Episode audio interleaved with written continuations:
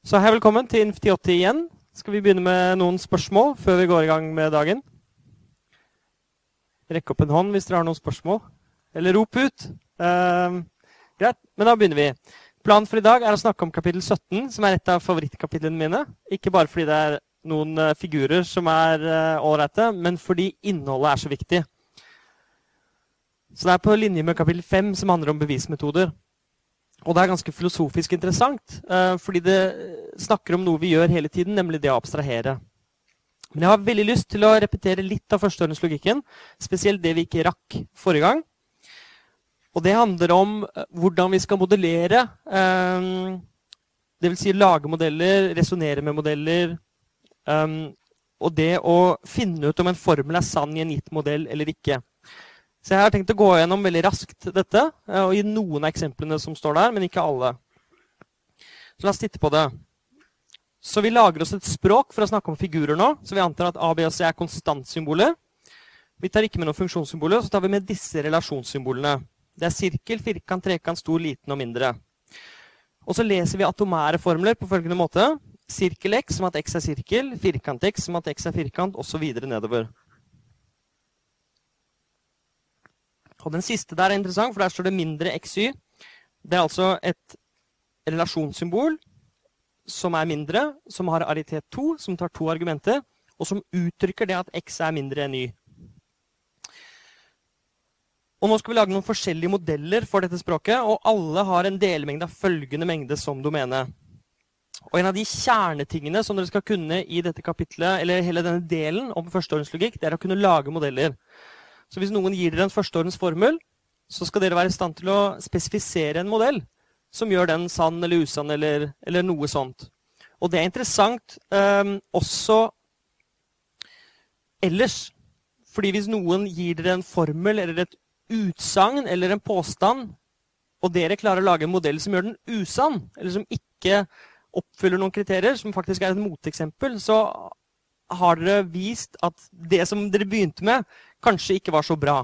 Så det å spesifisere en modell er en veldig fin øvelse som, som kommer igjen i veldig mange forskjellige kontekster. Det å spesifisere en modell i en annen kontekst kan f.eks. være å gi en funksjon.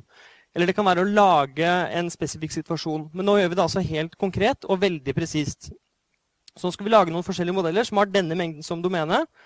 Vi skal alltid tolke relasjonssymbolene på den mest naturlige måten. Dvs. Si at sirkelrelasjonssymbolet tolket i denne modellen, eller den modellen vi velger oss, skal være mengden av sirkler som vi da har i domenet. Hvis ikke det er noen sirkler i domenet, så blir den mengden tom. Altså sirkel tolket hjem blir da en tom mengde.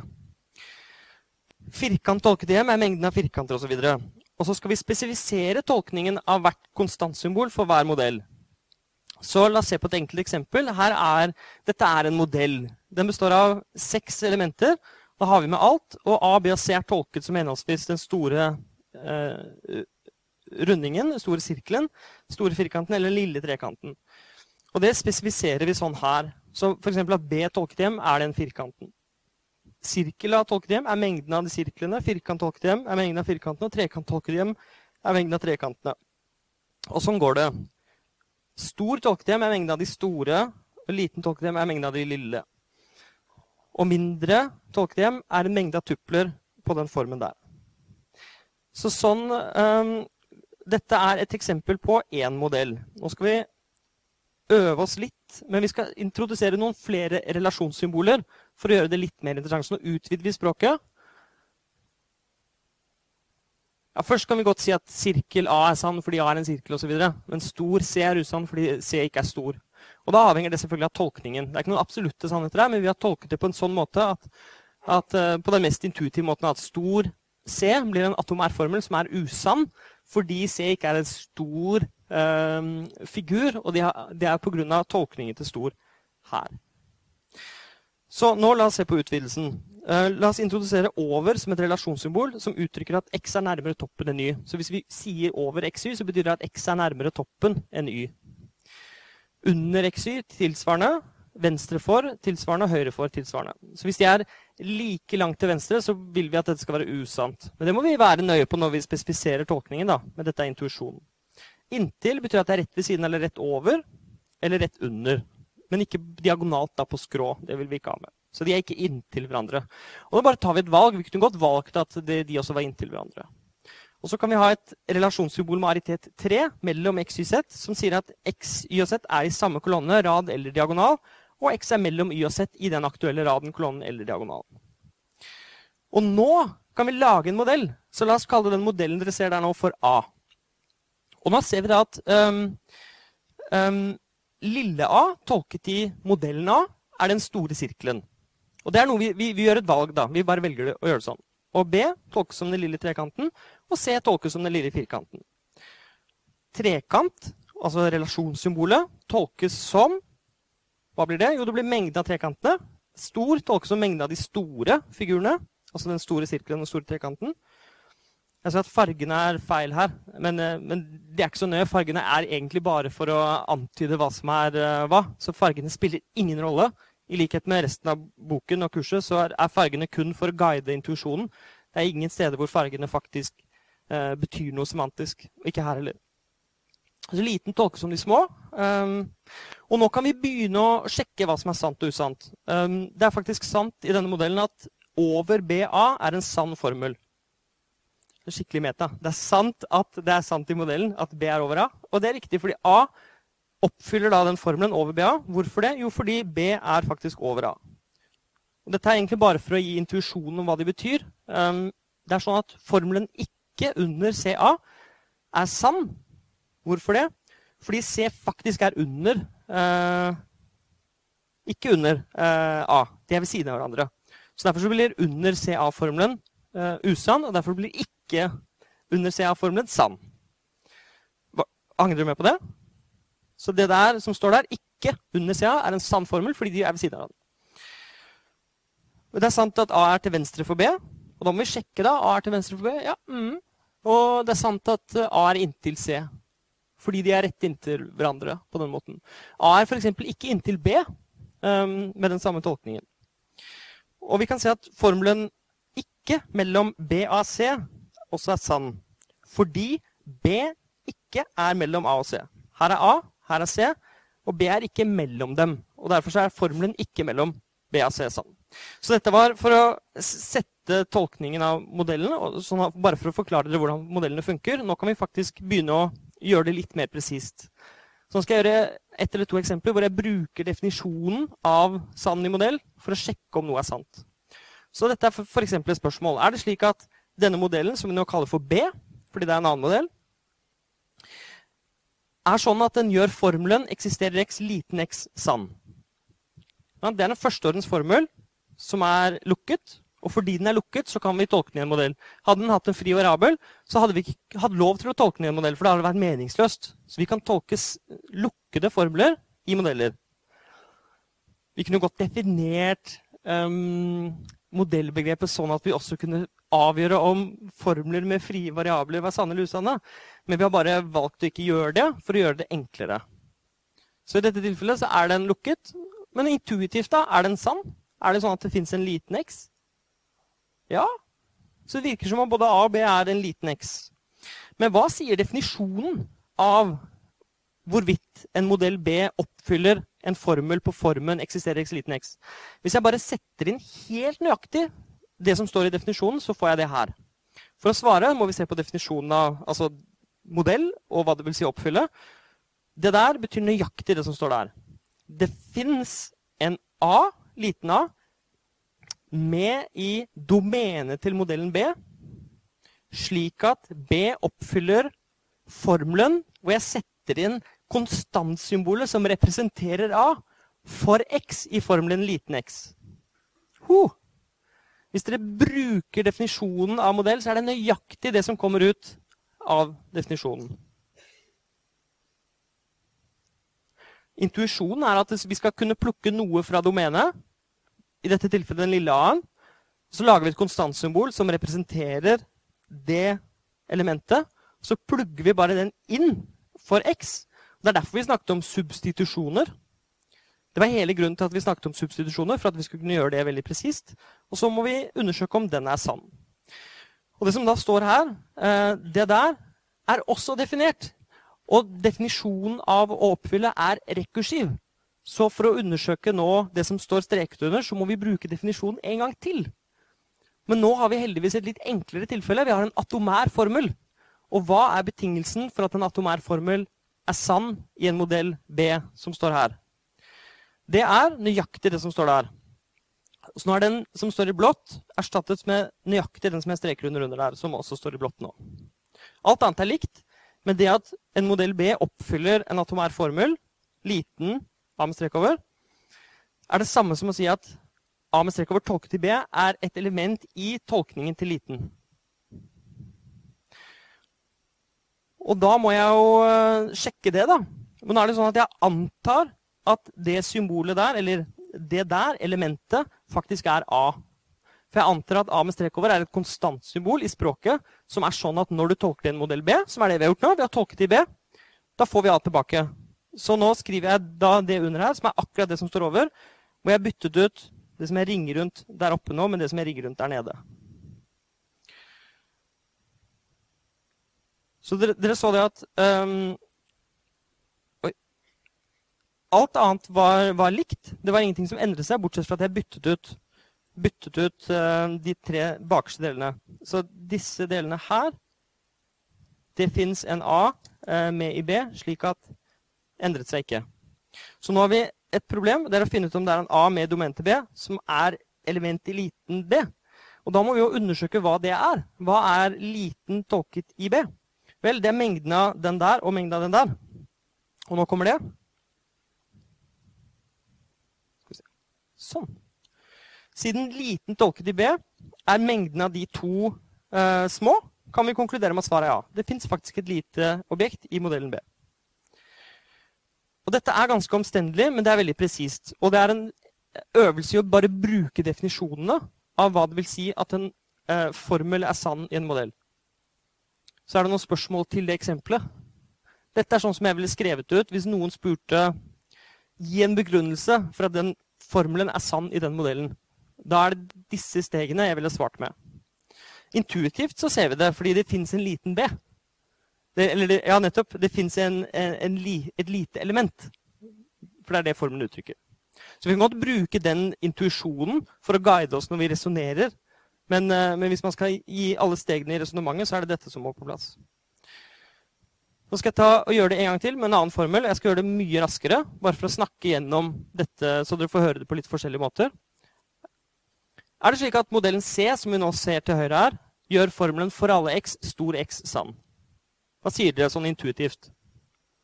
Nei, for det er en liten en. Det er C. For å svare må vi se på definisjonen av modell. Da må vi se på hva det betyr at C oppfyller den formelen. Det er det samme som at for alle A med domen til C, så vil C gjøre formelen stor A sann.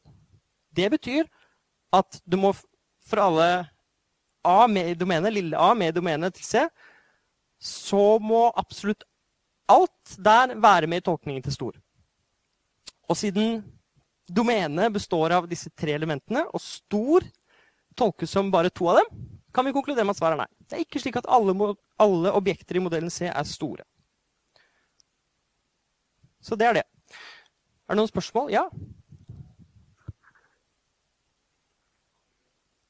Spørsmålet var eh, Nå har du brukt eh, lille a.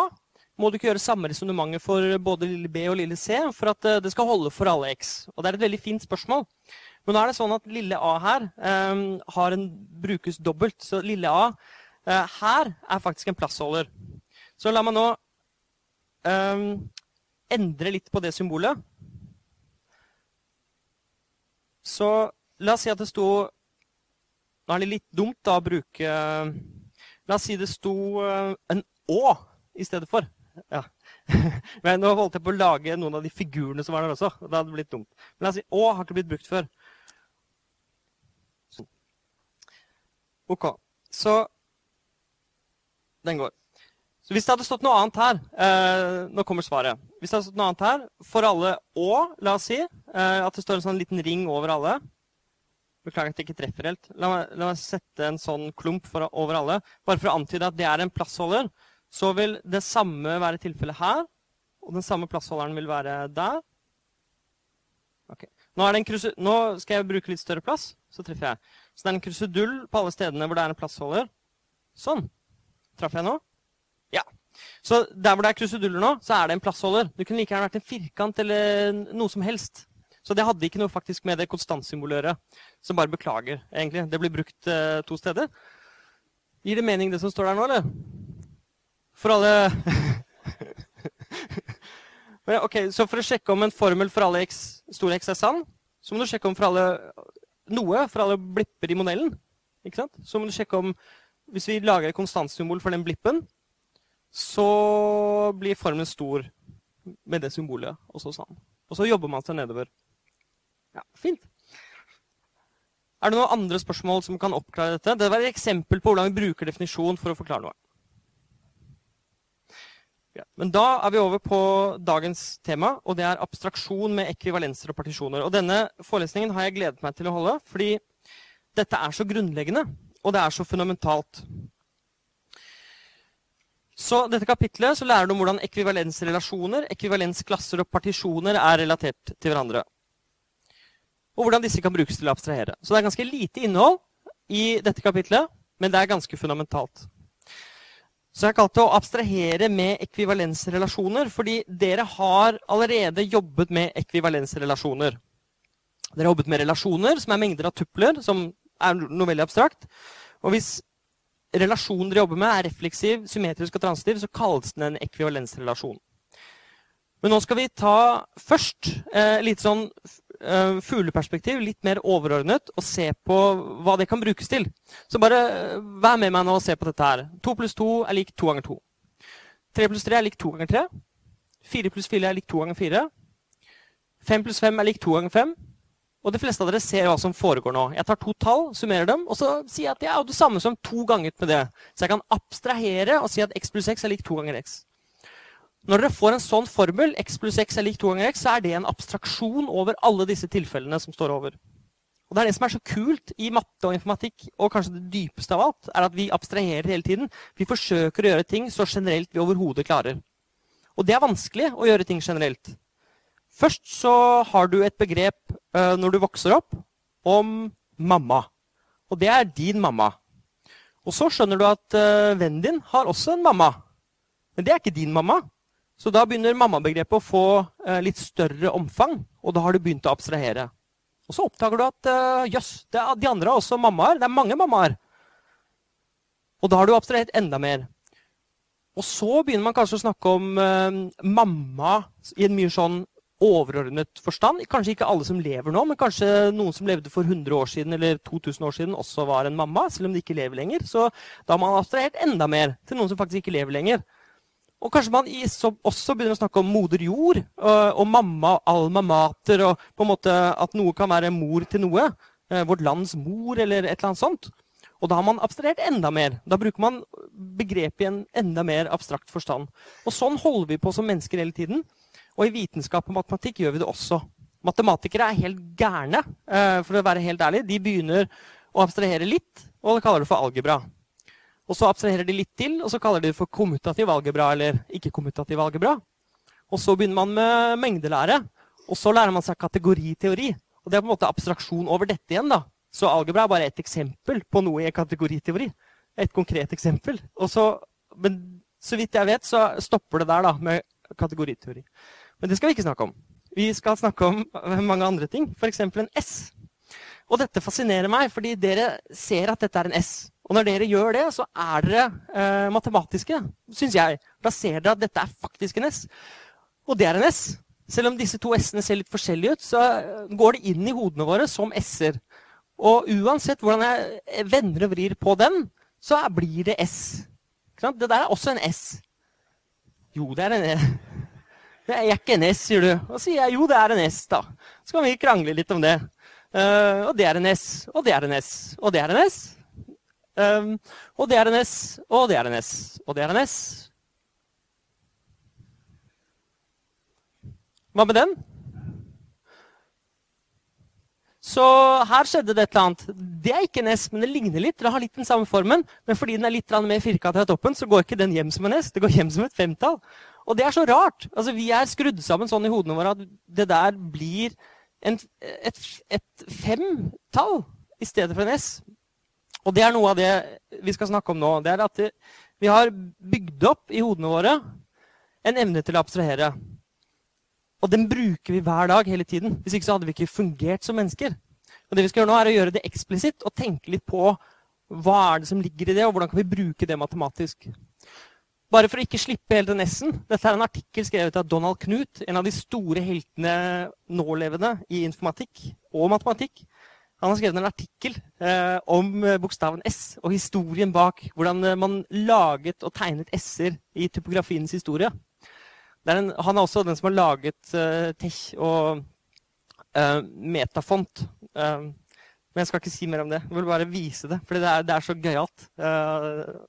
så jeg kunne tatt R, men, men Donald Knut har faktisk skrevet en artikkel om S. Ok, så hva er det dette med abstraksjon? Det er altså uendelig mange måter. Og jeg tuller ikke, det er uendelig mange måter å skrive NES på. Det er ikke bare en milliard måter, fordi du kan variere det så, så finkornet du bare vil. da. Du kan gjøre S-ene så store du vil, og det kan hvilke farger du vil. Men vi har abstrahert over formen på alle de tegnene vi har sett. Og når vi møter nye tegn, så kjenner vi dem, kjenner vi dem igjen, til tross for at vi aldri har sett dem før. Så vi har laget oss på sett og vis en ekvivalensrelasjon mellom tegn. Vi tenker på enkelte tegn som ekvivalente, så skiller vi ikke mellom dem. Og det er det vi bruker ekvivalensrelasjoner til. Når vi har en ekvivalensrelasjon som er refleksiv, symmetrisk og transitiv, så er det sånn at hvis to ting er ekvivalente, så er vi på en måte ikke interessert i å skille mellom dem. Så vi kunne sagt at alle de s-ene vi så nå, de er ekvivalente. En ekvivalensrelasjon handler om hvilket tegn øh, noe er. Og da vil alle disse her være relaterte til hverandre med den ekvivalensrelasjonen. Så det er én måte å bruke ekvivalensrelasjoner på. Så ekvivalensrelasjoner kan brukes til å abstrahere over, slå sammen eller identifisere objekter som man ikke ønsker å se på som forskjellige. Og det er det som hele greia. Når du har en eller annen situasjon og vi ikke ønsker å se på elementene i mengden som forskjellige elementer, men som det samme elementet, vi ønsker å identifisere, så bruker vi indirekte, og som vi snart skal se, direkte, eksplisitt, ekvivalensrelasjoner. Noen eksempler er en dørvakt og gjester. En dørvakt sier nei, nei, du kommer ikke inn, men du kommer inn. Og Da er det en form for abstraksjon og en form for ekvivalensrelasjon. For de som ikke får komme inn, de er ekvivalente med hverandre. Uansett hva som kan være grunnen til at de ikke kommer inn. Men de er på en måte i den kategorien, og så er det de som kommer inn. Så det er en veldig sånn enkel og grovkornet ekvivalensrelasjon. da, Fordi alle som kommer inn, er på sett og vis ekvivalente.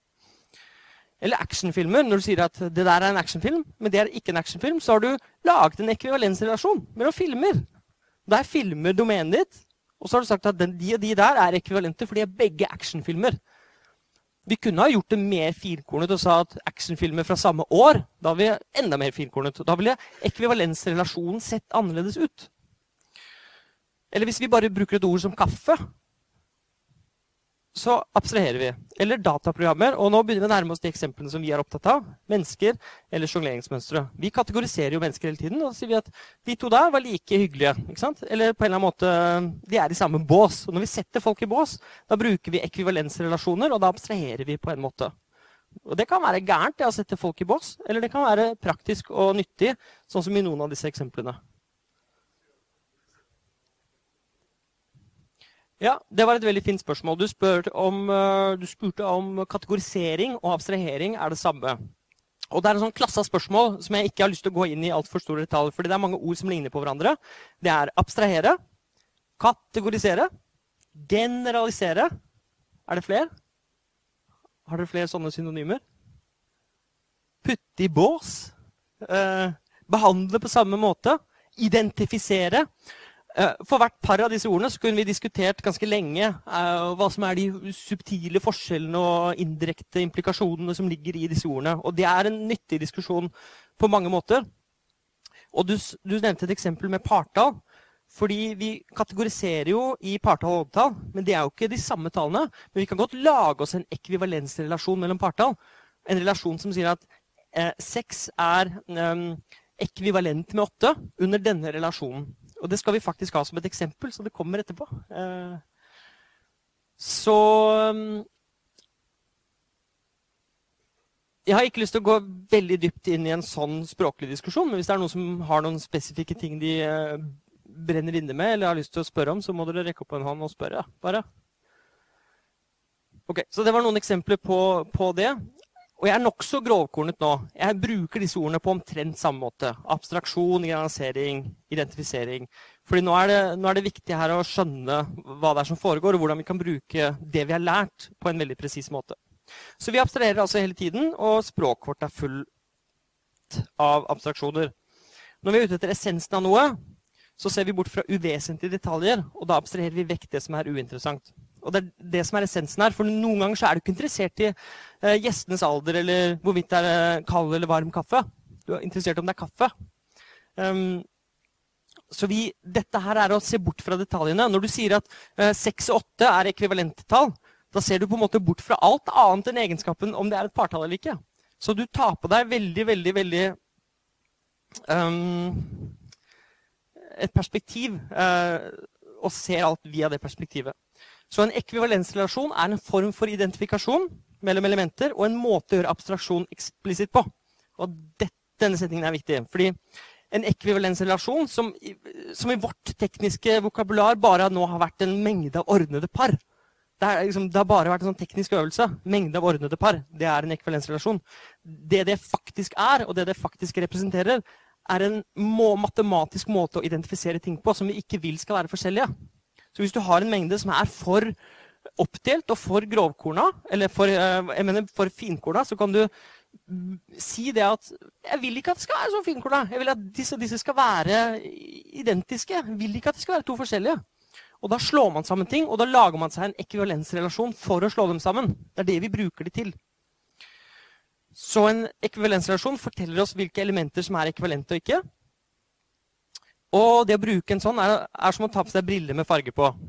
For du tar på deg briller med, som er røde, sånn røde glass, og så er det plutselig farger du ikke ser forskjell på lenger. Tar du på deg blå briller, så er det andre farger du ikke ser forskjell på. Og det å bruke en ekvivalensrelasjon er å identifisere elementer som du ikke ønsker å se forskjell på. Og nå skal vi gjøre det helt eksplisitt. Hvordan kan vi bruke en ekvivalensrelasjon til å identifisere? Og da skal vi snakke om ekvivalensklasser, for det er nøyaktig det som vi kan gjøre med en ekvivalensrelasjon. Og det er helt enkelt å bare samle opp alle elementene som er eh, ekvivalente med hverandre.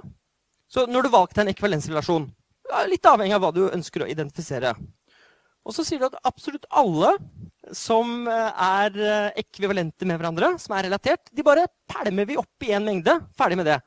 Det er som å bare si alle um, partallene opp i én mengde, alle oddetallene opp i en annen. Da har du fått to mengder. Bam.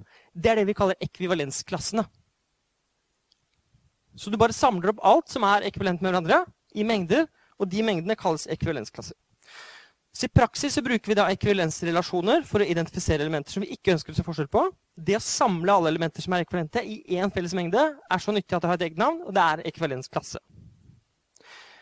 Og det som er nyttig med sånne klasser, er at vi kan behandle alt i den samme ekvivalensklassen på lik og da ekvivalent måte. Og nå skal vi gjøre det presis i en definisjon. Skal ha litt sånn matematisk språk for å gjøre det, men det er nøyaktig det jeg sa. Det er ikke noe annet enn å bare ta en ekvivalensrelasjon, samle alt som er ekvivalent med hverandre, lage en mengde av det. Bam, ferdig. Uansett hva som ligger under. Og nå skal vi da abstrahere og gjøre dette veldig abstrakt, men, men det er ikke noe annet som foregår enn det. Så her kommer definisjonen av en ekvivalensklasse. Anta at det der, den lille tildesaken, er en ekvivalensrelasjon på en mengde m. Okay, så Det er antakelsen. Vi har den gitt. da. Det er en ekvivalensrelasjon på en mengde m. Og Det kan være hva som helst, så lenge den oppfyller kravet at den er en ekvivalensrelasjon. Ja. Vi sier da at ekvivalensklassen til et element x er mengden Hva tror du det skal være? Ok, så det som skjer nå er at Du tar opp et element, x, og så skal du ta ekvivalensklassen til det. Det er da mengden av absolutt alt som er relatert til det ene elementet. Og det er en måte å skrive det på. Så det er altså mengden av de y med hjem, slik at y er relatert til x. Det er det som står der. Og y og x er plassholdere, begge to, så det kan være hva som helst. Men du velger deg en x, og så sier du ok, alt som er relatert til x, det samler vi opp i en mengde. Det vil si alle de y som er relatert til den x, skal vi bare samle opp i en mengde. Og Det er en måte å skrive det på. Det kan godt være Excel, og det må faktisk være Excel, fordi vi vet at den relasjonen er refleksiv. Så hvis du plukker opp en x og skal se på hva er det som er relatert til den x-en, Excel må være det, fordi det er en ekvivalensrelasjon. Så Excel må være med i den mengden. Så dette er altså mengden av elementer i M som er relatert til et element. Og vi skriver dette for den mengden. Så sånne firkantklammer rundt X er en måte å betegne på mengden av de elementene som er relatert til X. Når X er valgt.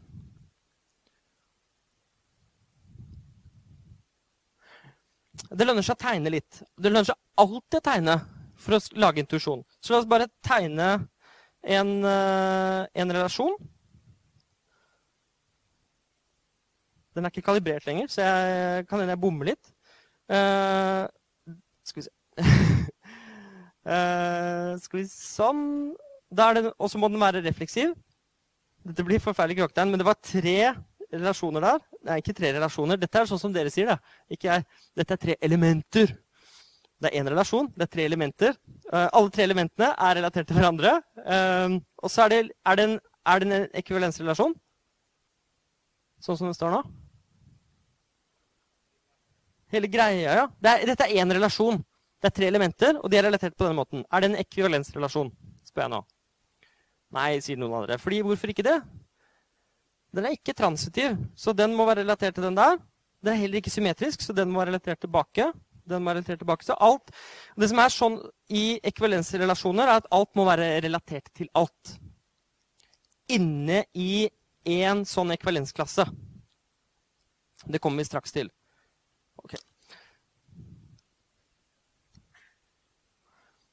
Ok. her er et element, her er et annet element. Og disse to elementene er relatert til hverandre og til seg selv. Åh, OK. Jeg, er klar over at dette ser ut som noe annet. Det er veldig vanskelig å treffe. Jeg må kalibrere denne. Sånn. Det er to elementer, og de er relatert til hverandre. Men så er det et element her borte også, og det elementet er relatert til seg selv. Og hele det som jeg nå setter firkant rundt, er en eh, ekvivalensrelasjon. Er dere enig i det? Vi må sjekke. Den er refleksiv, den er symmetrisk, og den er transitiv. Og nå er det sånn at Ekvivalensklassen til ett element det er mengden av alle elementer som er relatert til den. Så hvis du velger deg ett element, f.eks. elementet her, og så ser du på hva er det jeg kan komme til fra det elementet, og så samler du alle de opp i en mengde, da får du det som kalles ekvivalensklassen til det elementet. Og så gjør du det samme her borte. Her er det et element. Hva er de elementene som er relatert til det elementet? Vel, det er jo de, det ene andre og seg selv. Og da får du disse to i en annen ekvivalensklasse. Så med denne ekvivalensrelasjonen så får du to ekvivalensklasser. Og nå er det sånn at Hvis du samler opp alle ekvivalensklassene i en og samme mengde, så har vi en betegnelse for det. Og det er da M delt på også navnet på navnet på relasjonen. Og det er en veldig vanlig måte å si på at nå er vi ikke lenger interessert i M. Nå skal vi se på den mengden av ekvivalensklasser som vi får. Og I et veldig enkelt eksempel som vi så nå, så fikk vi to ekvivalensklasser. Denne mengden kalles for kvotientmengden, eller på engelsk quotient set, av M under den relasjonen. Men da må vi se på et helt konkret eksempel, tror jeg, eh, for å gjøre det forståelig. Men jeg skal komme tilbake til det. Så det disse, disse symbolene må dere kjenne til. Vi begynner med et relasjonssymbol eh, som representerer en ekvivalensrelasjon. Så tar vi ekvivalensklassen til et element. Og hvis vi samler opp mengden av alle dem, så får vi ekvivalensklassene, og det symboliserer vi da med m delt på denne relasjonen. Og det kaller vi for kvotientmengden. Da tar vi et enkelt eksempel. Så la nå den være relasjonen som står her. 1 er relatert til 1, 2 til 1, 1 til 2, 2 til 2 og 3 til 3. Og det er en relasjon på mengden av tretall. Sånn kan vi tegne den. Det er akkurat det samme. Uh, så jeg er bare ett steg foran meg selv. Men nå er den i hvert fall tegnet opp pent. Uh, hvorfor er det en ekvivalensrelasjon? Jo, uh, den er refleksiv, symmetrisk og transitiv. Er det noen som har noen tvil om det? Refleksiv betyr at alt er relatert til seg selv. Check, det stemmer. Symmetrisk er at hvis noe er relatert til noe annet, så må det være relatert tilbake. Så hvis x y er med, så må y x være med. Sagt på en annen måte, Hvis du står et sted inni den og Jeg liker å se på det sånn at jeg står faktisk inni den, og så går jeg ett steg, dvs. Si jeg følger en pil. Da må jeg kunne gå tilbake i ett steg til der jeg kom fra. Så du har alltid, du har alltid en vei tilbake. Det er det symmetrisk betyr. Du kan alltid angre. Hvis du ikke har symmetri, så fins det et eller annet sted hvor du kan gå, og så kommer du ikke tilbake. Du kan ikke angre. Så det er det symmetri betyr. Og transitiv er, er det at hvis du går fra et sted til et annet i to steg, og nøyaktig to steg, så kan du også gå dit i ett. Du kunne gått dit i ett langt steg hvis du hadde villet. Det er det transitiv betyr. Ikke noe annet. Og det oppfylles her, fordi uansett hvor jeg står, hvis jeg går til et sted i to steg, så kan jeg komme dit i ett. Og definisjonen gir oss at ekvivalensklassen til 1, som vi skriver sånn, det er lik mengden av de to tallene 1 og 2. Ekvivalensklassen til 2, hva er det? Det betegner vi sånn. Det er akkurat det samme, det. Så vi ser det at eh, det er to måter å betegne den mengden på, eller denne ekvivalensklassen. Det er enten ekvivalensklassen til 1 eller ekvivalensklassen til 2. Og fordi de er i samme ekvivalensklasse, så spiller det ingen rolle. Så 1 og 2 er begge fine representanter som vi kan putte inn mellom de to klammene. Men ekvivalensklassen til 3 er en annen. Det er lik mengden som består av 3. Og nå kan vi se på mengden av alle ekvivalensklassene. Og det er da m delt på ekvivalensrelasjonen. Og det er faktisk da mengden av ekvivalensklassene. Men 1 og 2 er jo den samme, så hvis du beskriver det ut, så får du dette her. Så det som skjer da, eh, i et superenkelt eksempel her, det er at du har en mengde med tre elementer. 1, 2 og 3. Og av en eller annen grunn, av en eller annen merkelig grunn så er du ikke interessert i forskjellen mellom 1 og 2. Og Derfor så lager du en ekvivalensrelasjon. Du sier at 1 og 2 skal være ekvivalente. Og så lager du en ekvivalensrelasjon for å gjøre det. Og fordi du ikke er interessert i forskjellen mellom dem, så kan du dele på ekvivalensrelasjonen. Og når du gjør det, så får du en ny mengde. Og du får en mengde med kun to elementer, hvor én og to er slått sammen. Bam! Så det har blitt en klump. Du er ikke interessert i forskjellen mellom én og to. Og en matematisk måte å gjøre det på er å bare putte dem opp i samme mengde. Er, hele ideen her er så utrolig enkel, men så utrolig kraftig. Så matematikere, profesjonelle matematikere bruker dette her hver dag hele tiden. Å, det var litt for stor mengde. Da må vi dele på den ekvivalensrelasjonen. Så får du en ny mengde. Hele tiden. Og det er fordi du ikke er interessert i forskjellen mellom elementer. Det er, så det vi lærer her, er en veldig kraftig metode som brukes uh, hele tiden. La oss ta den på jorda. Hvis uh, mengden M er mengden av alle nålevende mennesker, så kan vi også bruke denne teknikken. Og så antar vi at x relatert til y betyr at x er like gammel som y. Er dette en ekvivalensrelasjon? Det må vi spørre oss først. Er det det? Ja, eh, det er en ekvivalensrelasjon, sier dere. På mengden av nålevende mennesker fordi den er refleksiv. Hvorfor er den refleksiv? Er x alltid relatert til x? Ja, fordi x alltid må være like gammel som x. Alle er like gamle som seg selv.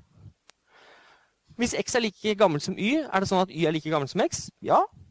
Og hvis x er like gammel som y, da, og y er like gammel som z, må x og z være like gamle? Ja, det er de nødt til å være. Her får vi én ekvivalensklasse for hver alder. Så alle som f.eks. er 18 år gamle, havner i én og samme ekvivalensklasse. Så det er en annen måte å gjøre det på. Da får vi alle ettåringene, alle toåringene alle treåringene i hver sin ekvivalensklasse. Så det er et veldig kraftig matematisk verktøy. Så det å gå fra en mengde m via en ekvivalensrelasjon til mengden av tilhørende ekvivalensklasser, er det vi gjør. Og det er nettopp det. Hvis vi har en mengde, og den av en eller annen grunn er for stor eller for finkornet, så kan vi erstatte den med mengden av ekvivalensklasser for en eller annen passende ekvivalensrelasjon. Og det er to ytterpunkter her, fordi du har en mengde m, og så er den kanskje ikke helt som du ønsker. Og det er to ytterligheter. Hva er den minste um, ekvivalensrelasjonen dere vet om? Den aller minste ekvivalensrelasjonen med, når det gjelder antallet um, tupler som er med. Skjønner du spørsmålet? Det, hvilken ekvivalensrelasjon er faktisk en delmengde av alle andre ekvivalensrelasjoner? Så minst i den forstanden. En tom mengde, sier du, men en tom relasjon er ikke en ekvivalensrelasjon. La oss si jeg har mengden av uh, naturlige tall. da. Den tomme relasjonen på den er ikke refleksiv. Så den må være refleksiv, transitiv og symmetrisk. Ja? Hva? 1, sier du, hvis 1 er relatert til 1. Men uh, du må ha med to også. Hvis det er naturlig tall, da, for eksempel, så må to være relatert til to. Men det du kanskje mente, var noe annet. Nettopp! Du mente den som relaterer alt til seg selv. den som er bare refleksiv og ikke noe annet. Altså den som er, Hva er det vi kaller det? Vi har, vi har funnet på et navn på det litt tidligere. Jeg ikke om dere husker det. Det er litt mye forlangt at dere husker alt. Identitetsrelasjonen. Helt riktig. Det er den minste relasjonen. Og hvis vi deler med den, hva får vi da? Vi får ingen endring. Vi får én ekvalensklasse per element. Fordi et element er kun relatert til seg selv, og da får du mengden av den. Så du bare, det, det eneste du gjør, er å pakke ned alt i en mengde. Og så får du, får du mengde som er helt lik for alle praktiske formål. Hva er den andre ytterligheten? Hva er den største ekvivalensrelasjonen dere vet om?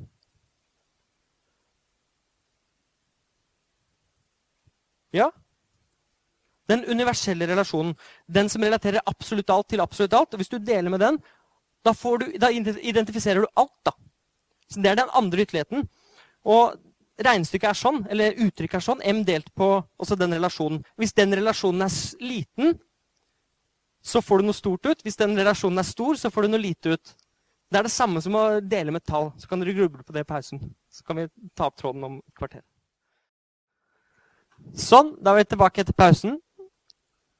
Og det vi snakker om, er ekvivalensklasser, ekvivalensrelasjoner, kvotientmengder. Og det er det som står nederst der.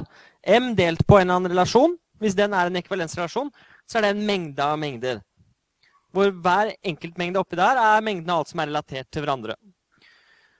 Og det jeg vil dere skal se Jeg vet ikke om dere gjør det, men jeg vil at dere skal forsøke å se at det er et omvendt proporsjonalt forhold. Hvis du deler med noe som er bitte lite, som er identitetsrelasjon, så skjer det ingenting. Det er som å dele med én. Det skjer ingenting. Hvis du deler med noe som er stort, og det er, i dette tilfellet er det noe som relaterer alt til alt, f.eks., det er det største vi har, så får du bare en stor klump ut, og den er veldig liten. Den inneholder bare ett element. Så du, teller, du må telle antall elementer du får. da. Så hvis den er, Og det er liksom å skru det, Jeg mener dette. Det er liksom å skru um, fordi en ekvivalensrelasjon kan være alt i dette spennet. Fra at enten så er ingenting relatert til hverandre, kun seg selv. Det er liksom det ene ytterpunktet. Det er liksom her. Og det andre ytterpunktet det er at alt er relatert til alt.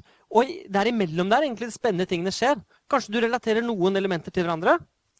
To er relatert til tre, men ikke fire. Og, og så jo, jo lengre du går ut mot den siden her, jo, jo, jo, mer blir relatert til hverandre. Plutselig så er alt relatert til alt. Og det som skjer med kvotientmengden, er at den, den begynner den med å, være, med å, være, stor og fin, sånn som den var. Ingenting er delt opp uh, med hverandre. Og så blir den mindre og mindre fordi du identifiserer flere og flere ting. Så etter hvert som du går bortover, så er alt identifisert. Og da består kvotientmengden kun av liksom stor blob hvor alt er identifisert med hverandre.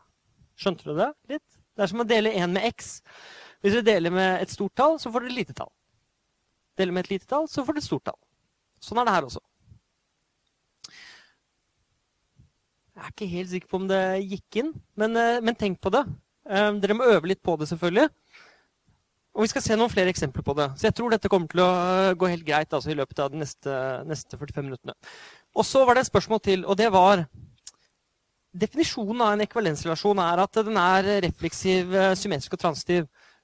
Men hvorfor det? Hvorfor er det, definisjonen av en ekvivalensrelasjon? Hvorfor kunne det ikke vært noe annet? Og hva er det som er grunnen til at det er sånn? Er det noen som har et forslag til svar på det? Det er min utfordring til dere nå. Hvorfor er ekvivalensrelasjoner definert sånn som de er? Refleksiv, symmetrisk og transitiv. Vi lærer det, og vi bruker det, men hvorfor i alle dager er det sånn? Er det noen forslag? Det er litt rart. For definisjoner er, å si, de er autoritative, eller de bestemmer det vi eh, holder på med. Så vi kan bare bruke dem sånn tankeløst. Men det er gode grunner til at de er sånn. Så det er min utfordring til dere er hvorfor er ekvivalensrelasjoner definert som refleksive, symmetriske og transitive? Ja?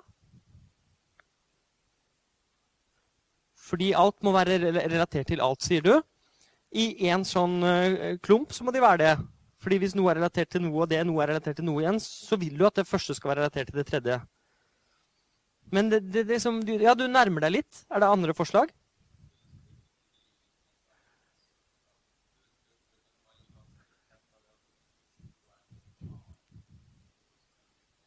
Hørte dere aller bakerst uh, det? Nei. Jeg kan repetere det du sa. Dette har å gjøre med likhet, sier du. Fordi du vil at noe skal være likt seg selv. Og det er sånn at hvis noe er likt noe annet, så må det være likt det første igjen. Og hvis noe er likt noe, og det er likt noe igjen, så må det første være likt det tredje. Det var sånn omtrent det du sa. Og jeg, jeg tror også du har helt rett i dette.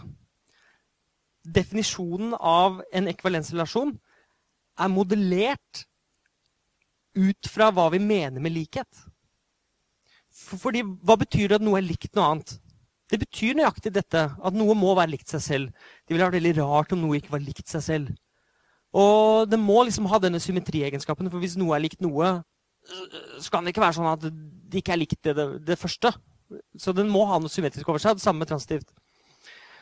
Og det er faktisk sånn, tror jeg, at den er modellert ut fra den, hva vi mener med likhet. Hva, fordi hvis du spør deg hvilke egenskaper har likhet, så havner du veldig raskt på de tre. Og så kan vi spørre oss, og dette er gode spørsmål, kan vi ta bort noen av de tre? Nei. Da blir det tull. Hvis vi tar bort symmetri, blir det tull. Også litt vanskeligere spørsmål. Er det noe vi kan legge til, eller bør legge til, i definisjonen av likhet? Uh, hvis, skal, hvis, vi skal karakterisere hva likhet er for noe, så har vi nå karakterisert det ved å si refleksiv symmetrisk og. Men er det noe mer som karakteriserer likhet?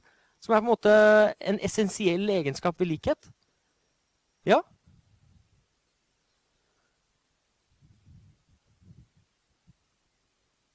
Jeg skal prøve å gjenta det du sa. Eh, det var litt langt resonnement. Det var fint du sa. Du sa at det har noe med graden, eh, graden å gjøre. Um, at det må nesten være en pil der, sa du, for at det skal være en likhetsrelasjon. Og det jeg tror du, tror du sa, var noe som faktisk dekkes da, av refleksiv, symmetrisk og transitiv som faktisk blir dekket av de tre egenskapene. Fordi det at det må være en pil der, eh, kommer med en gang med refleksivitet. Der er det piler fra alle til seg selv. Og så snakket du litt som om det er en prosess, og det er sånn jeg også tenker på det. Fordi hvis noe er likt noe annet, og det er likt det tredje igjen, så, så blir liksom de relatert. Men det igjen er fanget av transitivitetsegenskapen. Så, så jeg er litt usikker på om det var, faktisk var noe mer der. Ja, nå gjentok det nå gjentok du det eksempelet som vi så tidligere, at vi hadde A B, hvor A var relatert til B, og vice versa, og seg selv, og så hadde vi C der ute alene. Og da sier du da er ikke C ekvalent med A og B, og det er riktig. Så da har vi en form for likhet som identifiserer A og B, eh, men som ikke identifiserer A og B med, med C. Så spørsmålet mitt var supergenerelt. da. Det var liksom, Hvilke egenskaper kan vi komme på som likhet burde ha? Som er noe mer enn refleksiv, eh, symmetrisk og transitiv. Så jeg tror vi er helt enige. Um, uh, det var veldig fint du sa. Man må vel ha en eller annen form for uh, ulikhet. Hvis alt er relatert til alt, sier du, så er det jo meningsløst å ha et uh, sånt begrep. Og her kan vi velge. Når vi skal lage en ekvivalensrelasjon, så ser jeg for meg dette som en sånn uh, skru, skrugreie. Hvis vi, hvis vi, lukker en helt, så er det ingenting som blir relatert til hverandre. og det er alt kun likt seg selv. Og så skrur vi opp litt, og så begynner vi å identifisere mer og mer. Og hvis vi skrur helt opp, så er alt identifisert med hverandre. Og da blir de kanskje litt kjedelige, sånn som du sa. Jeg er helt enig. Og det som er fint med begrepet om en ekvivalensrelasjon, er at vi har generalisert og kanskje abstrahert over likhetsrelasjonen. Så vi sier at det er noe mer på gang her enn bare denne likheten. For likheten er faktisk den som bare alt er likt seg selv. Så likhet er på en måte her borte, eh, hvor alt kun er likt seg selv. Og så ønsker vi å skru opp litt. Uh, si at nei, vi vil identifisere noen av disse. Og da kan vi bruke akkurat denne teknikken og dele på en ekvivalensrelasjon. Så det var et langt svar på det første spørsmålet. Hvorfor er det refleksiv transitiv, uh, symmetrisk og transitiv? Og, men det er nok fordi også vi har funnet ut at det funker utrolig bra. Og så kan man spørre seg om det er noe mer absolutt eller dypt i det, men det vi er helt sikre på, er at de funker kjempebra. Hvis vi tar bort noen av de, så funker det ikke så bra, og det er ikke nødvendig å legge til mer. Og det er mange gode grunner til at det er tre egenskaper som, som liksom nailer, nailer, det vi er ute etter. da. Treffer spikeren midt på hodet. Fint. Da må vi se på noen flere eksempler. Og binære tall nevner jeg som et eksempel. Vi kan godt se på det som ekvivalensklasser, for det vi har holdt på med, er jo bit-strenger. Og vi kan lage nå en naturlig ekvivalensrelasjon på mengden av bitstrenger. Fordi det er noen bitstrenger vi ønsker å identifisere. Vi har f.eks. hatt 01 og 001 osv. Hvis vi legger nuller til for, foran 1, at de skal være identiske med hverandre. Så det er den som sier at to bitstrenger, f.eks. 01 og 01, er ekvivalente hvis de representerer den samme verdien.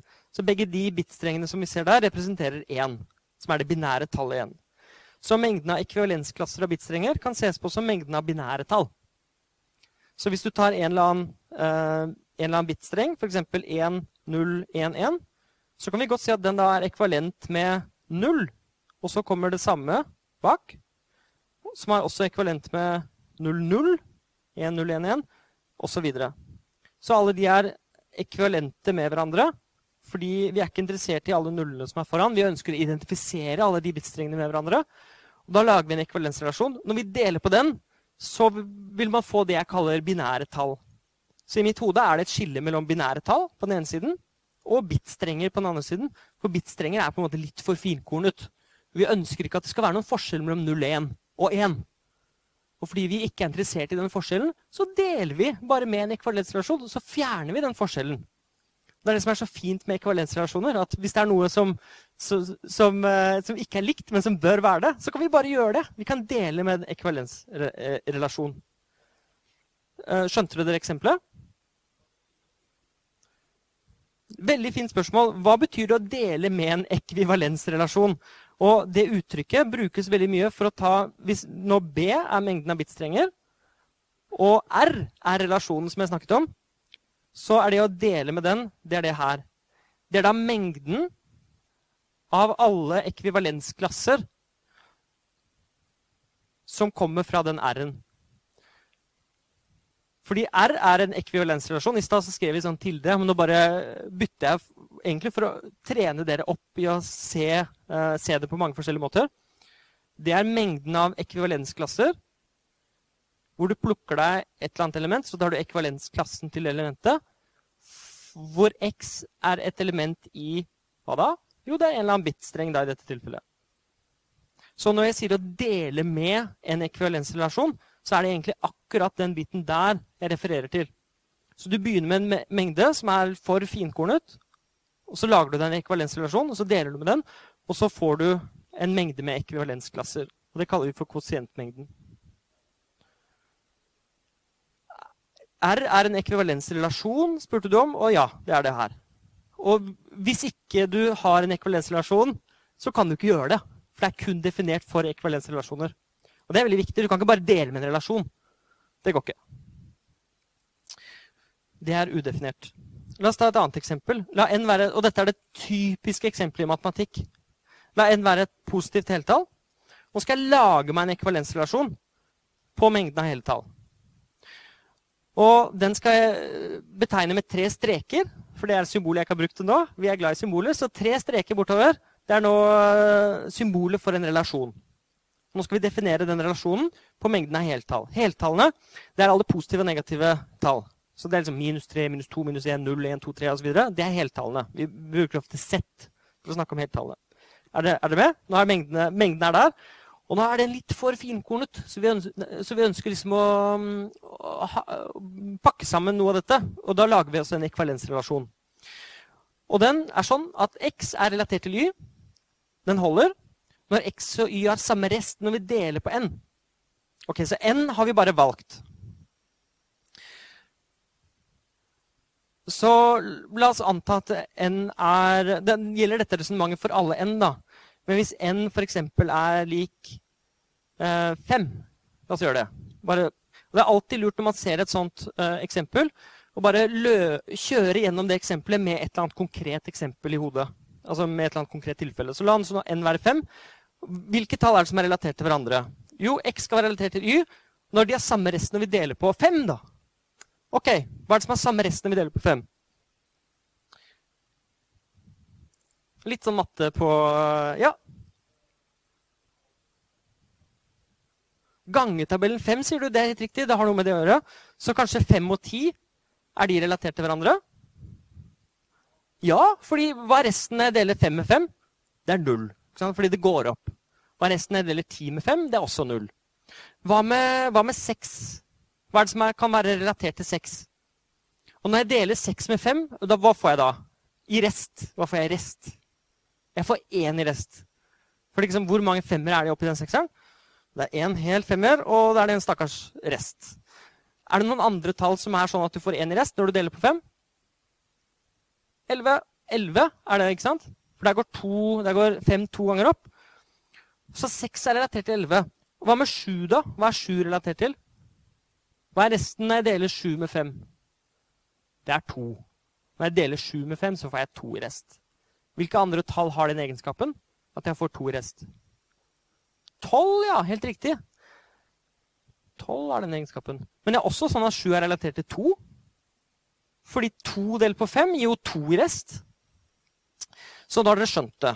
Sagt på en annen måte, x minus y er delelig med en. Wow, hva er det? Jo, det er at hvis du tar de to tallene på hver sin side, 6 og 11, så tar du differansen mellom dem. Det er jo i dette tilfellet minus 5. Det blir delelig på 5.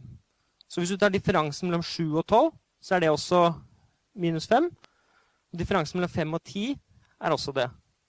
Så hvis du bare tar disse to tallene, 7 og 2, minus hverandre, så får du et multiple av 5. Det er en annen måte å si det samme på. da. Så det, det virker som tall er, uh, tallene er relatert til hverandre sånn. Nå veiver jeg med armene, så må dere bare se på meg. 0 er relatert til 5, og 1 er relatert til 6. 2 er relatert til 7. 3 er relatert til 8. 4 er relatert Så det virker som om det flytter seg sånn her. ikke sant? Så noe er relatert. Hvis, er, hvis avstanden mellom dem er fem, eller et multiple av fem, så er de relatert til hverandre. Ser dere det? Så det er den relasjonen. Så hvis vi tegner opp alle tallene bortover, så tegner vi en pil mellom alt som er relatert til hverandre, så får vi masse sånne, sånne, sånne kurver eh, Nå veiver jeg også med armene. Eh, som, er, eh, som, alle har lengde fem. Som hopper, du hopper til det neste tallet. Og en skrivemåte for det er x trippelstrek y parentes mod n. Så det, det, det, Dette er det som kalles modulo. Og nå kan vi gjøre det. Eh, vi sier at x er lik y modulo n, eller i dette tilfellet 5 er lik 10 modulo 5. Eller 7 er lik 2 modulo 5. Det er det modulo betyr. Så hvis vi nå ser hva er ekvivalensklassen til 0 Min test til dere. Hva er ekvivalensklassen til 0? Vel, om vi husker definisjonen, da. Det er mengden av alle de elementene som er relatert til null. Hvilke elementer er det? Fem er det, jo. Ti er oppi der. Minus fem. Og faktisk alle multipler av fem er det. Så det blir en uendelig stor mengde av heltall som ser nøyaktig sånn ut. Det er ekvivalensklassen til null. Hva er ekvivalensklassen til én? Vel, det er alt som er relatert til én. Med andre ord som har samme rest som én når du deler på fem. Så 6 må være der, f.eks. Og elleve må være der. Og 16 må være der. Og 21 må være der. Alle de tallene må være oppi den. Og så kan du også gå baklengs, så du får minus 4 må også være der. Så både 1 og minus 4 er der på samme måte. Og ekvalensklassen til 2 er alle disse som er begynner med 2, og så går det pluss 5 minus 5 på hver side. Dere, dere kan definere dette induktivt hvis dere vil. Du begynner med tallet 2, og så går du pluss minus 5 på hver side. Da får du alle disse tallene. Og dette er ekvivalensklassen 3 og eh, ekvivalensklassen 4. Slike mengder i matematikk kalles, kalles for restklasser. Residue classes. Så hvis dere møter dette begrepet i matematikk senere, det er ikke sikkert at dere kommer til å gjøre, men så er det det samme som dette. Det er det vi mener med restklasser. Um, ja. Og kongruensklasser er også ord som blir brukt. Og nå kan vi ta, ta mengden av dem. Det er da Z, som er alle heltallene, delt på denne relasjonen. Det kalles heltallene modulo n. Og det er faktisk bare mengden som består av de fem der. Så det som står her nede, er ingenting annet enn mengden som består av ekvivalensklassen til 1, ekvivalensklassen til 2, ekvivalensklassen til 3, ekvivalensklassen til 4 og ekvivalensklassen til 0. Du kan godt skrive 5. Det er, det er akkurat samme. Så det som står der, er akkurat det som står der. Den inneholder fem elementer. Og det er, dette er helt vanvittig, da, fordi først så begynner du med alle heltallene, som er uendelig mange. Og så lager du en ekvivalensrelasjon, og så deler du med den, og så sitter du med fem elementer. Så du sitter igjen med fem elementer, og det er 0, 1, 2, 3, 4. Eller ekvivalensklassene som hører til dem.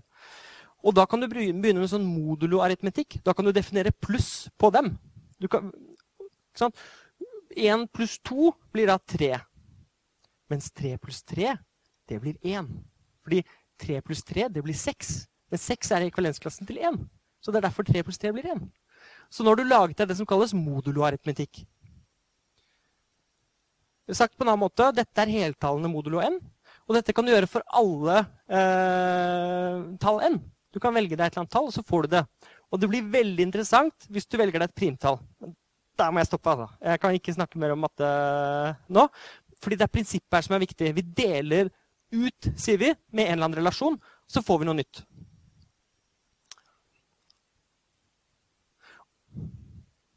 Hvis du hadde delt ut med Hvis du hadde gjort modulo 2, da, hva hadde du fått da? For å svare på det du spurte om i stad. Hvis du, sier at, uh, hvis, du, hvis du lar n være lik 2, så sier du at noe er i samme ekvivalensklasse, eller de er relatert til hverandre, hvis det er samme rest når du deler på to. Og resten når du deler på to, blir enten null eller én. Så du får alle oddetallene i én klasse, og så får du alle partallene i en annen klasse. Ok, så dette var en sånn kjapp innføring i restklasse. Matematikerne finner på mange rare, fine ord for akkurat dette. Um, dere ser noen av dem her. Ja. Er det noen spørsmål til det før vi går videre? Ja, der oppe er det et.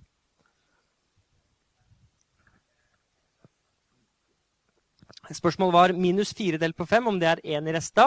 Uh, og jeg vil tørre å påstå ja. ja. Så det, da må du generalisere til negative tall. Og da finner du ut at den eneste fornuftige måten å gjøre det på, det er den måten som vi har gjort her. Det er litt det samme som å spørre hvis du opphører noe null, hva bør det bli da? Bør ikke det bli null? Så finner man ut at det er mye vakrere, og det går opp mye bedre hvis det ikke er det. Hvis det er, hvis det er én isteden. Og litt sånn er det med negative tall også. Eller hvis du tar eh, Nei, nå kan jeg ikke snakke med matte. Men det er mange sånne eksempler. da. Hvis du opphøyer noe i 1,2 f.eks., hva betyr det? Det er sånn. Opphøyende i 2 det her skjønner jeg, liksom, for det er x ganger x. X i annen er like x ganger x, men x opphøyd i 1,5, hva er det, liksom? Så, og så finner man gode begrunnelser for at det er sånn som det er. da. Litt på samme måte som med negative tall. Ja. Fire modulo eh, Fem, sier du, er fire. Fordi du har fire igjen som rest. Det er riktig. Ja.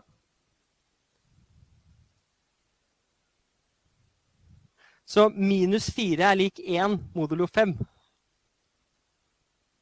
Eh, det er den riktige måten å si det på, da. Du kan definere dette helt presist, og det har vi for så vidt gjort her. Eh, men x og y har samme rest når vi deler på n. Det er én måte å si det på, men at x minus y er delelig med n, det er en annen og kanskje mer presis måte å gjøre det på. For da kan du ta minus 4 minus 1, og da får du minus 5. Å ja, det er delelig eh, på 5. Derfor er de i samme ekvivalensklasse. Så du gå, hvis du har problemer med å skjønne den eh, eh, har samme resten av deler på n, så kan du godt bare ta differansen dem, mellom dem og se om det er et multiple n. Det er kanskje en, en, mer intuitiv måte å forstå det på. Da. Og det blir, det, det blir en ekvivalent måte å definere det på. Er det andre spørsmål til dette før vi suser videre? Nei. OK. Ja, Det er noen andre symboler ja, som står her nede for akkurat det samme. Så det der og det der og det der brukes som symboler på akkurat det samme. Og det er det historiske grunner til. Men, men så bare vær oppmerksom på det at her brukes en n eh, og tallet n i stedet for eh, relasjonen, sånn som vi har gjort. Og her brukes nz. Bare, men det er to andre måter å skrive på som ikke blir brukt noe sted i denne boken. Så den mest systematiske, enkle måten å lære seg det på, er å ta en mengde, dele, og så en ekvivalensrelasjon. Da får du mengden av ekvivalensklasser. Da skal vi snakke om partisjoner, og det er akkurat det samme. så Det er ikke noe nytt, det er bare et annet perspektiv på det samme. Det er å samle opp mengden av ting som er relatert til hverandre, eller ting du ikke ønsker å skille mellom. Så en partisjon er en oppdeling av en mengde. Ofte når vi tenker på mengder, så deler vi elementene inn i naturlige delmengder hvor det ikke er så interessant å skille mellom elementene i delmengdene. F.eks. så er mengden av studenter eh, delt inn i bachelorstudenter og masterstudenter. Eller mengden av heltall i partall og oddetall. Eller mengden av utsagnslogiske formler. Det er de gyldige formlene. Og så er de falsifiserbare formlene. Og det som kjennetegner disse inndelingene, er at de både dekker hele den underliggende mengden, og at de ikke overlapper med hverandre. Så dere må bare sjekke at det stemmer her oppe. Uh, partall og oddetall er i to forskjellige mengder. Uh, noe kan ikke være både gyldig og falsifiserbart. Og det er også sånn at det dekker hele, for enten så er det gyldig, eller så er det falsifiserbart. Og med studenter så kan man, Det er avhengig av tolkningen, og sånn, men enten så er det en bachelorstudent, eller så er det en masterstudent. I en viss kontekst. Og Dette kan vi gjøre presist i begrepet om partisjon. Så nå definerer vi bare det, sånn abstrakt, hva vi mener med partisjon. Og resultatet er det samme som å ta ekvivalensklassene. Bare, sånn bare ha det i bakhodet. Så en partisjon er en mengde S, og det er en mengde S gitt. Da ligger den der. Og nå skal vi bare dele den opp. Og det er en lur måte å, å tenke på det på. Det er å lage en tegning. Her er S. Og så skal vi dele den inn, f.eks. i den biten der og den biten der og den biten der. Da har vi delt den inn i fire biter. Og de fire bitene dekker hele greia, og de overlapper ikke. Og det er det vi mener med en partisjon. Nå skal vi bare gjøre det presist. Det er altså en mengde x av ikke-tomme delmengder. Og det det betyr, er at den biten her må være noe i. Den biten her må det være noe i. Så vi kan ikke drive og lage en partisjon med tomme. tomme det gir ikke mening. Så må, det må være en opp, ordentlig oppdeling hvor alt er ikke tomt. Og unionen av alle de mengdene som er i x, skal være hele greia. Og snittet mellom to forskjellige skal være tomt. Det er hele definisjonen av en partisjon. Så det er en annen måte å lage seg en oppdeling på. Det er bare å si at vet hva, her er en mengde, vi deler den opp. Blått i det der ekvalensrelasjonsgreiene. Vi har en mengde, vi deler den opp. Dette er oppdelingen. Og det er det en partisjon betyr, da.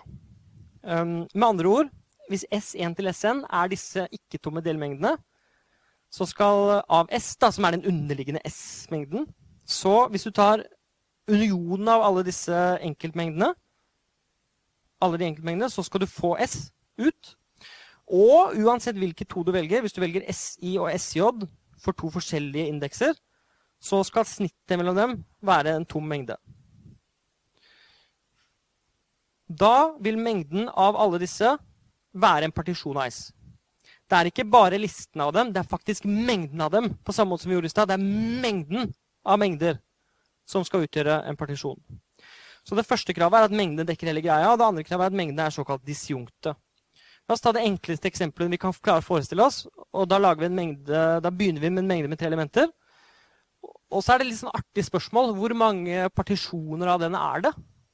Vel, det er fem. Og de fem partisjonene er da denne partisjonen, som er bare Vet du hva, jeg gidder ikke å dele opp. Jeg har S, og jeg bare, det er det samme som det var. Det neste det er å si at vet du hva, vi deler opp i A her og B og C her. Det er en annen oppdeling. Det er en annen partisjon.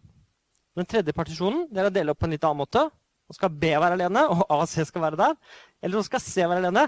Eller det vi kaller den mest fine oppdelingen. Det er bare å si at alle skal være forskjellige. Vi deler opp så mye vi klarer. Men dette er det fineste du klarer å dele opp. Du klarer ikke å dele opp finere enn det. Så igjen har vi dette spennet på den ene siden. Ikke noe eh, Alt er liksom oppi samme. Og på andre siden her hver er sin egen øy, eller noe sånt. Ok, Så ordet partisjon kan være litt forvirrende ved første øyekast. Det har ikke noe med partisjonering av harddisken å gjøre. Uh, en partisjon er mengden av delmengder som oppfyller betingelsene over. Og det er ikke disse selve disse mengdene oppi der. For det er ikke partisjonene. Mengden som består bare av A, det er ikke en partisjon. Partisjonen er hele greia med oppdelingen. Det er det vi kaller en partisjon. da, sånn nå. Så Vi har definert det til å være hele greia. Så ordet kommer fra det latinske substantivet partitio, som betyr oppdeling, deling eller inndeling. Uh, når vi snakker om forskjellige partisjoner, så er det de ulike måtene å dele opp på som er uh, det vi snakker om. Så de ulike jeg, Gi meg to partisjoner, sier jeg. Og da kommer du med to forskjellige oppdelinger. Du kommer ikke med liksom to, disse to inni der. Du kommer med to måter å dele opp på. Og det er det. Og vi kan nå partisjonere tallmengder. Så vi setter disse heltallene igjen. Så kan vi la P være mengden av partall og O være mengden av oddetall. Bare PO. Og siden unionen er hele greia, og snittet mellom dem er tomt, så vil mengden som består av PO, være en partisjon av sett. Så partisjonen er mengden som består av partallene og oddetallene. Hvor mange elementer har den mengden? den har to elementer. Den partisjonen har to elementer. Hvert element er en uendelig mengde, men det er greit. Partisjonen består av to elementer. Vi kan også partisjonere, sier vi, utsagnslogiske formler. Så hvis U er alle, så kan G være de gyldige og F være de falsifiserbare. For enten er det gyldig, eller så er det falsifiserbart. Og siden alle formler er gyldige eller falsifiserbare, så vil G union F være mengden av alle. Ingen formler kan være både og, for hvis du er gyldig, så er du ikke falsifiserbar, og vice versa. Så snittet av det må være tomt. Det er mengden som står av G og F. Det er den mengden som står der. Det er en partisjon av U. Og det er det. det er, den består også av to elementer. Så det er en oppdeling av liksom, uh, universet du har, da, som er mengden av utsagnslogiske formler i dette tilfellet, i to. Og det er en dyp og fin sammenheng mellom dette og ekvivalensrelasjoner, som vi straks skal komme til. Vi må ta et eksempel til. Det er Hvis du tar mengden av fire elementer, hvor mange måter kan du dele opp den på? Hvor mange partisjoner av den fins? Nå skal vi bare begynne å systematisk gå gjennom alle. Dette er den eh, fineste måten å gjøre det på. Du lager en partisjon hvor alle er på en måte sin egen øy. Og da har du mengden her, og så deler du den 1, 2, 3, 4, og så deler du den inn sånn. Hver, hvert element har sin egen liksom, øy. Og her så har du en annen tilfelle hvor du har 1, 2, 3, 4. Og 2 og 3 skal være i samme, mens 1 og 4 skal være i hver sin. Så det er en annen måte å dele opp mengden på. Og så spør jeg hvor mange er det som fins. Hvis man eksperimenterer seg litt frem, så får man at dette er en, og dette er en, og dette er en. Dette er måter å dele opp i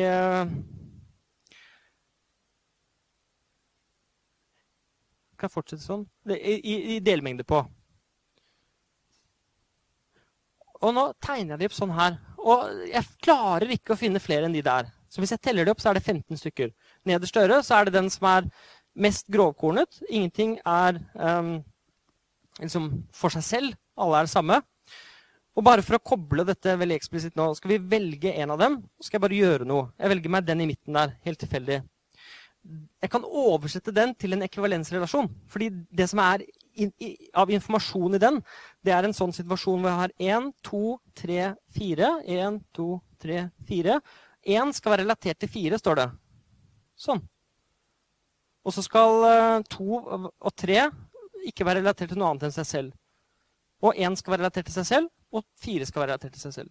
Så relasjonen eh, som den partisjonen representerer, det er den som er tegnet opp der. To er relatert til ikke noe annet enn seg selv.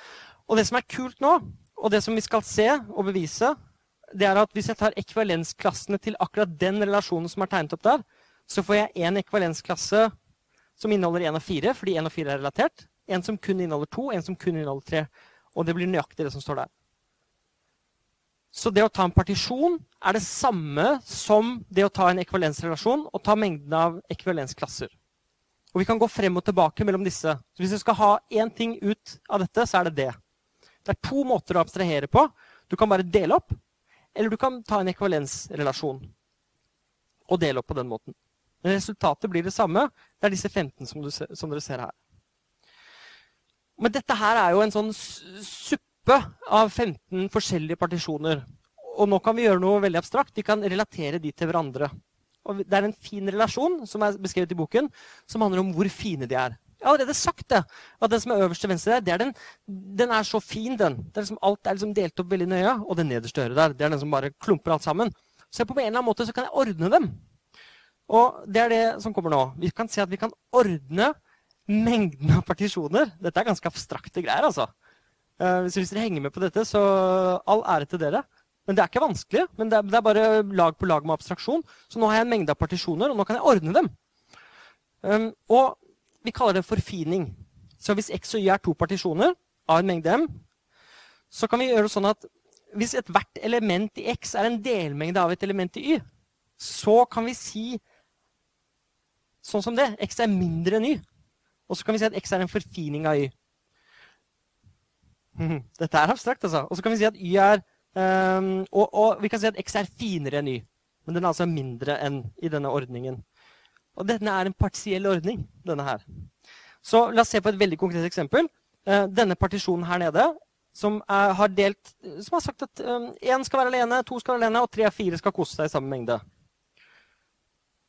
Og så har vi en annen partisjon her borte. Um, og den har sagt at én og to skal, skal være sammen. Se på det som mennesker, da, hvis dere kjeder dere. Sånn, en og to eh, har giftet seg. Jeg vet ikke hvilken vei dette går. Ok, Én og to uh, er venner, og tre og fire er venner. I den konteksten. De har ikke giftet seg, de er venner. Um, men den første partisjonen, der er én og to ikke venner. Men tre og fire er det. Og grunnen til at den er en finere partisjon, eller mindre enn den andre, er at hva det står her? Hvis ethvert element i x er en delmengde av ett element i y Ok, dette her er x, dette er y. Da velger jeg meg et element i x. da. La oss ta det elementet der. 2. Er det en delmengde av noe her borte? Ja, det er en delmengde av den. Ok, Så det stemte. Da må jeg prøve på nytt. Hvis jeg tar en, et element der i x, er det en delmengde av noe der borte? Ja, det er en delmengde av den der. Kjempefint. Og da er det én igjen. Da må jeg ta den der, for det står for ethvert element i x. og Det er det siste. Det er en delmengde av den der. Så uansett hva jeg velger i den ene, så er det faktisk en delmengde av det andre. Det er en måte å gjøre presist på, det dere allerede skjønte. Det er at noe er finere oppdelt. Det er bare en veldig matematisk presis måte å si akkurat det på. At det er en finere oppdeling. Så dere trenger ikke å pugge den definisjonen. Ideen er det viktigste, og det er at noe er en finere oppdeling av noe annet. Men nå kommer det noe utrolig fint, og dette er liksom, i mitt hode da, høydepunktet av hele dette kapitlet. Det er tegningen over um, hvordan disse henger sammen. Og det ser sånn ut. Og dette her gjør meg så utrolig glad, fordi på toppen der så er det den, eh, den mest grovkorna oppdelingen av 1, 2, 3, 4. Alle er, alle er venner. Nederst så er ingen venner, men alle er på en måte i hver sin egen mengde. Og hvis det nå går et, en strek fra en eh, partisjon til en annen, så betyr det at eh, den er finere enn den som er over. Og vi kan bare velge oss to uh, og sjekke at det stemmer. Hvis vi tar uh, den der, f.eks., så kan vi si at den er finere enn den. Hvorfor det? Jo, for her nede så er to og fire delt opp, mens her er de ikke delt opp. Der er de i samme. Det er forskjellen mellom de to. Og sånn kan vi holde på. Og dette er et eksempel på det som kalles et hassediagram. Og et hassediagram det er bare nevnt i boken, men det er bare en måte å tegne en partiell ordning på.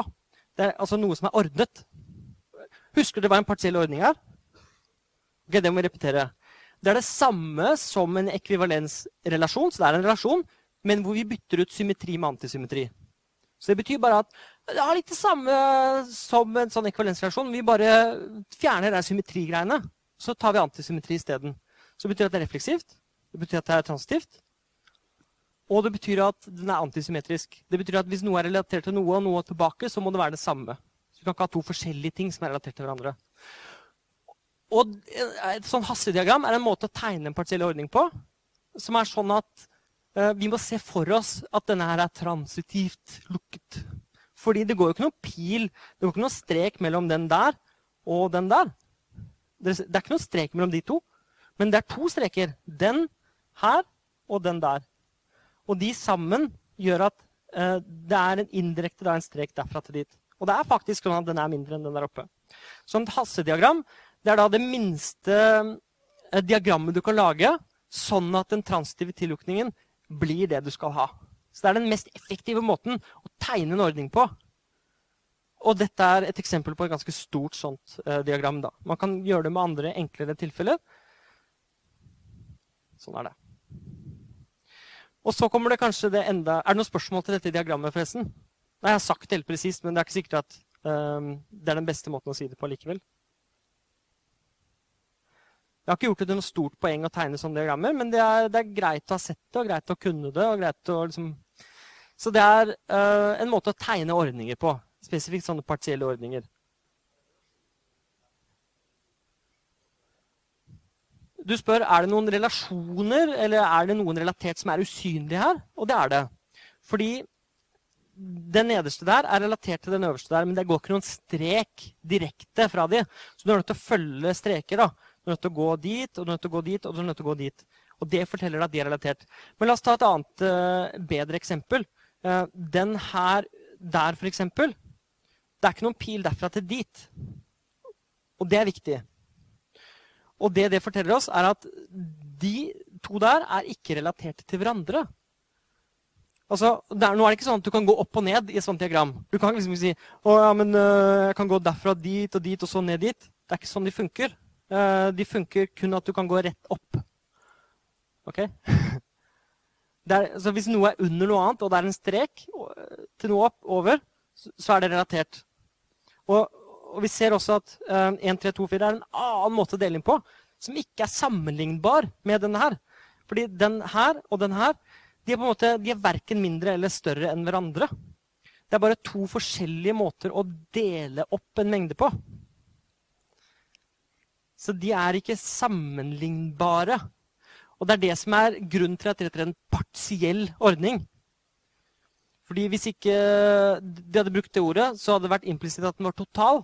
Og det er det vi mener med en totalordning. Da skal alt være relatert til hverandre. Så tallene på tallinjen det er en total ordning mellom dem. fordi uansett hvilke to tall du tar, så er det ene mindre enn det andre. eller omvendt. Men her så er det ikke sånn. Det er derfor det er en partiell ordning.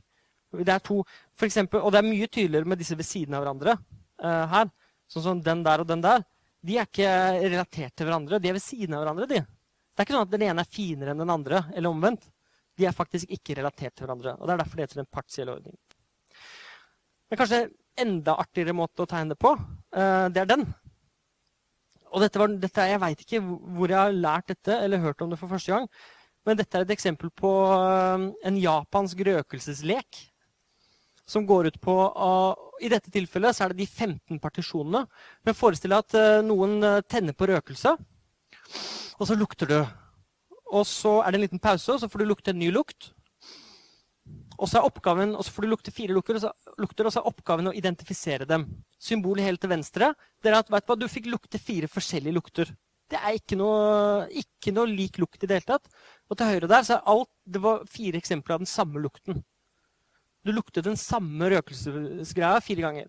Og så har du alle måter imellom um, symbolisert her. La oss ta ett av de, f.eks. den der. Det betyr at først så luktet du noe, og så kom det noe nytt. Og så kom det en tredje lukt som var forskjellig fra de to første. Men den fjerde var identisk med den tredje. Og det symbolet eh, representerer det. Og det er ingen andre enn disse mulighetene. Dette er de 15 måtene å gjøre dette på. Sånn er det. Er det noen spørsmål til det? Dette er kanskje favorittfigurene mine i hele, bo i hele boken. Og hele kurset, fordi de, de, fanger inn på en måte noe så grunnleggende. da. De fanger inn helt til venstre der at uh, vi gidder ikke å abstrahere. Uh, alt, er, alt, er, for seg. Og til høyre der så symboliserer du på en Vet du hva? Uh, røkelse er røkelse, altså. Uh, alt lukter det samme for meg. Det er sånn, sånn som vinkjennere. ikke sant? Vinkjennere de er liksom borti der. Mange av oss de er sånn helt til høyre her. Det er liksom, Vin er vin. Kom igjen. og da abstraherer du. og jo mer oppøvet du blir i evnen til å abstrahere, jo, jo lengre ut til høyre kommer du her. da. Nå er ikke denne her lineært ordnet, uh, bare for å si det. Uh, det er den samme ordningen vi så i stad. Så forfiningen skjer egentlig denne veien her, oppover. Så jo mer vinkjenner du blir, hvilken vei går du da? Oppover eller nedover? Du går nedover. For du får en sånn finere følelse av at ja, det er forskjell mellom disse. Så der setter vi strek i dag, uh, faktisk. Sånn er det. vi møtes igjen på tirsdag, og da er det en uke med kombinatorikk.